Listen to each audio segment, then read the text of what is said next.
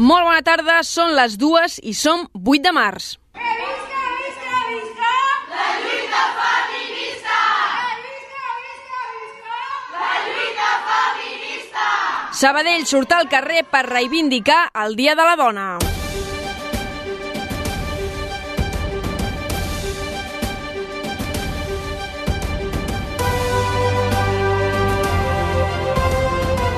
Notícies migdia amb Helena Molist.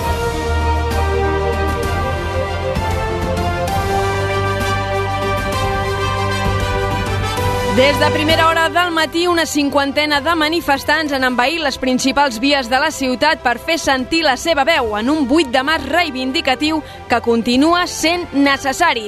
Un dels moments més calents del matí s'ha viscut a l'Ajuntament, quan durant dues hores l'edifici consistorial ha restat amb les portes tancades, sense que les manifestants hi poguessin accedir. Finalment, als vols de la una, cinc persones hi han pogut entrar i ha anat així.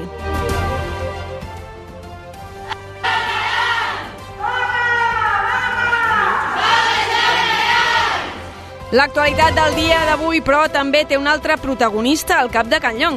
Finalment, la Generalitat i l'Ajuntament han arribat a un acord per incrementar el personal sanitari del centre, donant resposta així a una reivindicació que s'arrossegava des de la creació d'aquest CAP. Tot plegat ho explicarem gràcies a l'equip d'informatius de Ràdio Sabadell i amb l'ajuda del Toni González d'Alcántara a les vies de so. Notícies migdia. La informació en 15 minuts.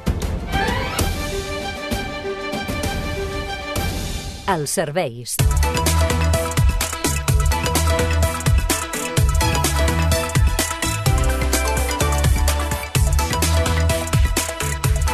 I la situació del trànsit a hores d'ara, doncs, de les principals vies que arriben a la ciutat, completament tranquil·litat. En canvi, a Barcelona durant tot el matí s'han viscut moments de tensió i moments també de carreteres tallades degut a la vaga del 8 de març. A hores d'ara, la Diagonal continua tallada a la circulació. Per tant, si aneu a Barcelona o si hi esteu, molta paciència. Quina és la situació del transport públic? Daniel Cáceres, molt bona tarda. Què tal? Bona tarda des del Transmet. En aquests moments destaquem que degut a les diferents manifestacions convocades a l'àmbit metropolità hi ha afectacions a un bon nombre de línies de bus urbà i interurbà.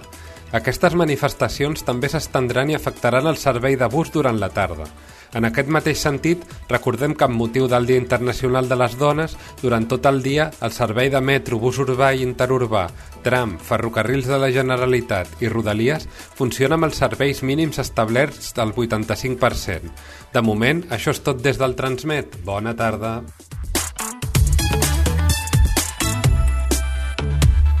La notícia del dia. Matí de mobilitzacions al centre de Sabadell amb motiu del Dia Internacional de les Dones. Des de primera hora del matí hi ha hagut activitat reivindicativa als carrers. Una cinquantena de persones han tallat a les 10 al carrer Tres Creus amb banderes liles i posant-se darrere la pancarta 8M Vaga General Feminista en un acte convocat pel Comitè Feminista de Sabadell. Pau Duran i de Aro, molt bona tarda. Bona tarda, Helena Molist i Sancho. Des d'allà s'han dirigit a la Rambla, on s'estava fent un dels actes institucionals al casal Pere IV, i després han arribat fins a la plaça Sant Roc, on han lamentat que l'Ajuntament els ha tancat les portes i l'alcaldessa només ha deixat entrar a cinc funcionaris manifestants per llegir un comunicat. Estem aquí perquè nosaltres, les nostres mares, les nostres amigues, les nostres filles, som les que seguim tenint un sostre de vida i menys oportunitats laborals. Som les que tenim feines més precàries i, a més, tenim major responsabilitat en les cures. I això ens dona menys oportunitats per accedir també a càrrecs de responsabilitat. Perquè seguim sent nosaltres les que demanem més reduccions. Com a funcionàries laborals tenim un conveni igual per totes, però el sistema patriarcal en el que vivim ens marca diferències més invisibilitzades que no podem obviar. Avui fem vaga, Denuncien que les institucions acaparen els mitjans i volen ser les protagonistes. Per això han cridat Morell i Ferrés la lluites als carrers. Els piquets informatius s'han mobilitzat des de primera hora del matí i criden a la vaga. Què implica la vaga general feminista. Fer vaga de producció, de consum i de cures, ni dins ni fora de casa, i també estudiantil. Per quina raó volen fer vaga? Per visibilitzar les discriminacions com a dones treballadores, per reivindicar els drets i per lluitar contra les injustícies que viuen. I podeu participar els homes? I tant, fent vaga laboral, anant a les manifestacions en rols secundaris i facilitant que les dones puguin fer vaga, per exemple, oferint-se a fer els serveis mínims.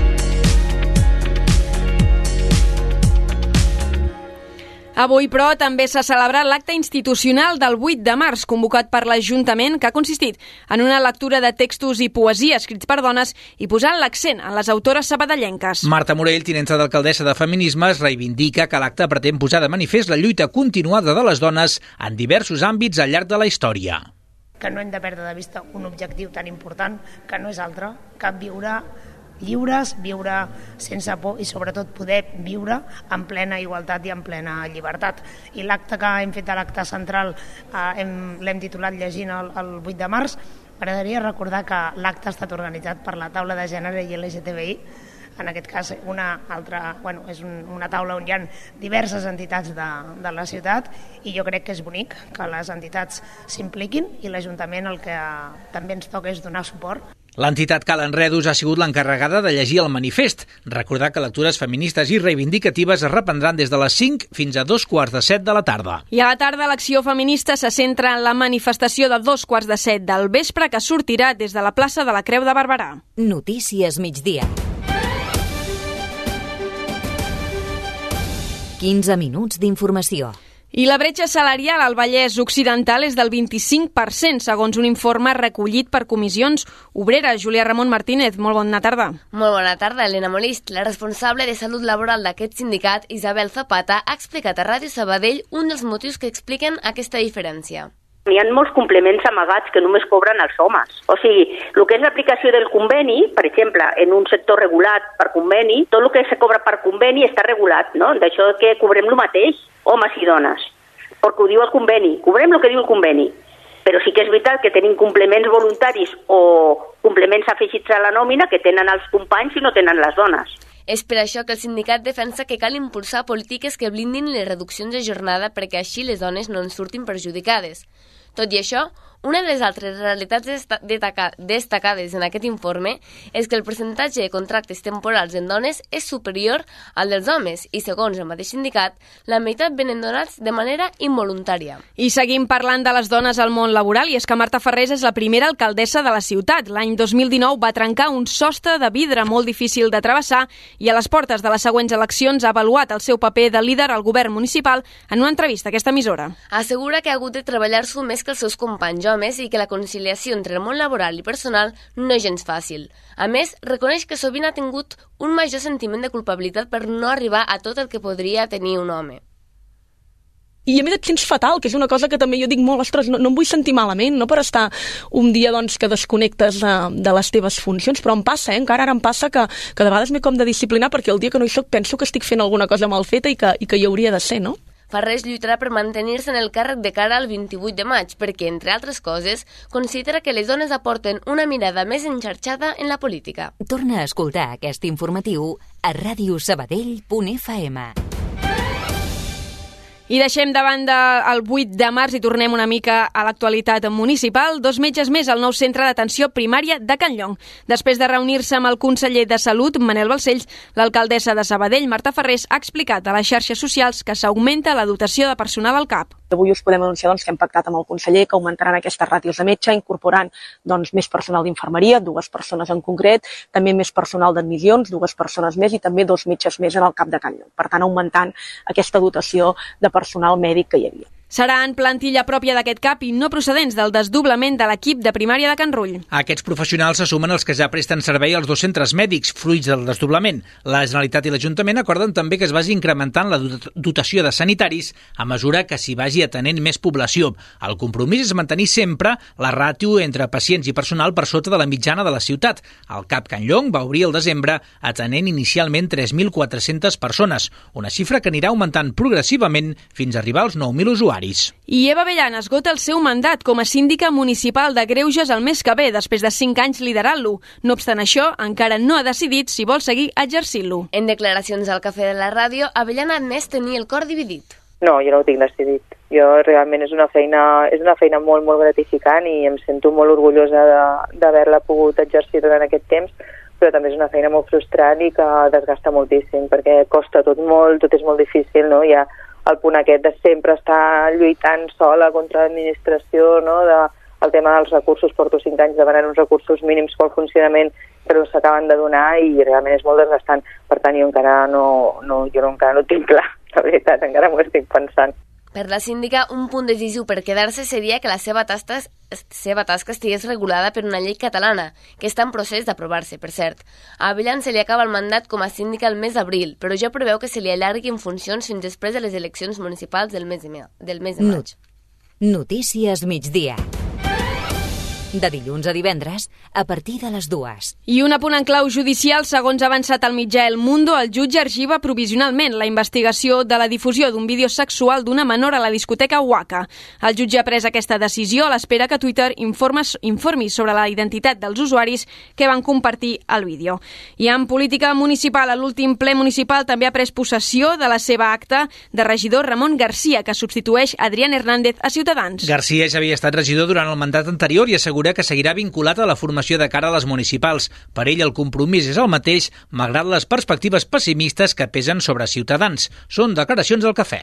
Des de Ciutadans Sabadell mai, mai, ens hem, mai hem tingut posada la vista en els resultats electorals. És a dir, el, com venim dient, eh, el nostre compromís és el mateix, tinguéssim representació o no, parlo de, de, de, de fa anys, i per tant la nostra campanya serà la mateixa sense aquests rumors, sense, sense, sense, aquesta, sense aquest perill, per dir-ho així, i, i, i ho farem igual, amb la mateixa il·lusió, farem el mateix número de carpes, farem el mateix número de, de reunions, perquè l'objectiu és el mateix, és, és que, ha estat, que ha estat sent aquests, aquests anys, no?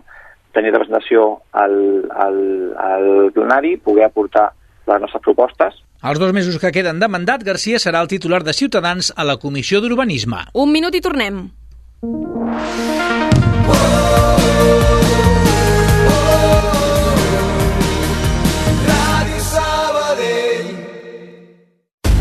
Busquem el sabadellenc de l'any. Ens ajudes a trobar-lo?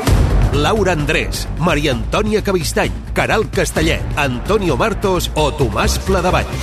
Entra a la pàgina web de Ràdio Sabadell i vota la persona més destacada de la ciutat d'aquest últim any, fins al 14 de març a les 12 de la nit. Segona edició del Premi Sabadellenc de l'any. Organitza i Sabadell amb la col·laboració de Ràdio Sabadell. Ens ajudes a trobar-lo? Ràdio Sabadell. Notícies. I per acabar el Notícies migdia d'avui ens volem centrar en l'esport femení, un esport que ha experimentat un boom durant els últims anys, però que encara pateix clares formes de masclisme. Des del futbol sala Sabadell femení, Maria Esern, jugador de, jugadora del primer equip, exposa en quines situacions s'hi ha trobat. és en les situacions de partit amb la tensió amb l'àrbitre, per exemple. Jo sempre ho dic, és el que més noto en el dia a dia, de que et queixes o bueno, la situació d'un partit al final es tensa i és normal que et queixes per una falta o reclamis coses. I la resposta potser dels àrbitres acostumen a ser de seguida, per exemple, et treuen una groga, no? De, et queixes, pum, groga. En canvi, tu vas a veure un equip masculí i dius, ostres, si la tensió, bueno, és exageradament pitjor. I en canvi, com que aguanten una mica més. En altres esports, com per exemple el vòlei, les jugadores denuncien que reben comentaris sexistes per l'uniforme que porten. El temps.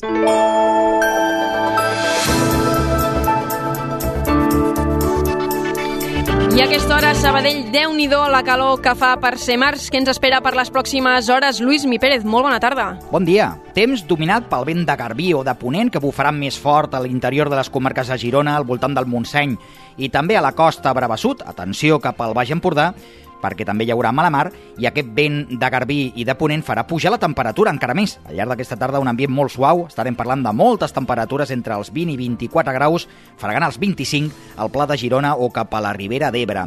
Aquest cel més aviat emblanquinat, el vent que tenim fa que l'ambient estigui eixut i per tant de pluges no n'esperem i només els núvols més gruixuts els tindrem cap al Pirineu lleidatà. Demà una miqueta menys de suavitat, igualment no farà gaire fred i encara tindrem aquest vent de ponent al matí, sobretot a les comarques de Girona i Barcelona. Demà a la tarda, ràfegues en algun moment també bastant intenses, associades a les tempestes que demà a la tarda es formaran. De fet, entraran per les comarques de Lleida i escombraran fins a la costa. Demà plourà més aviat poc a la costa brava, ja diem encara amb molta suavitat. Ho anirem seguint aquí a la xarxa. Marxem!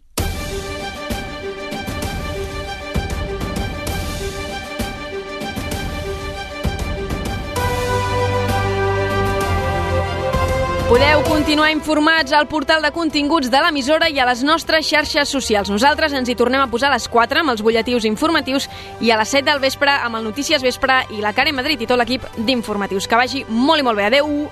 Allà on siguis, escolta'ns online. En directe.radiosabadell.fm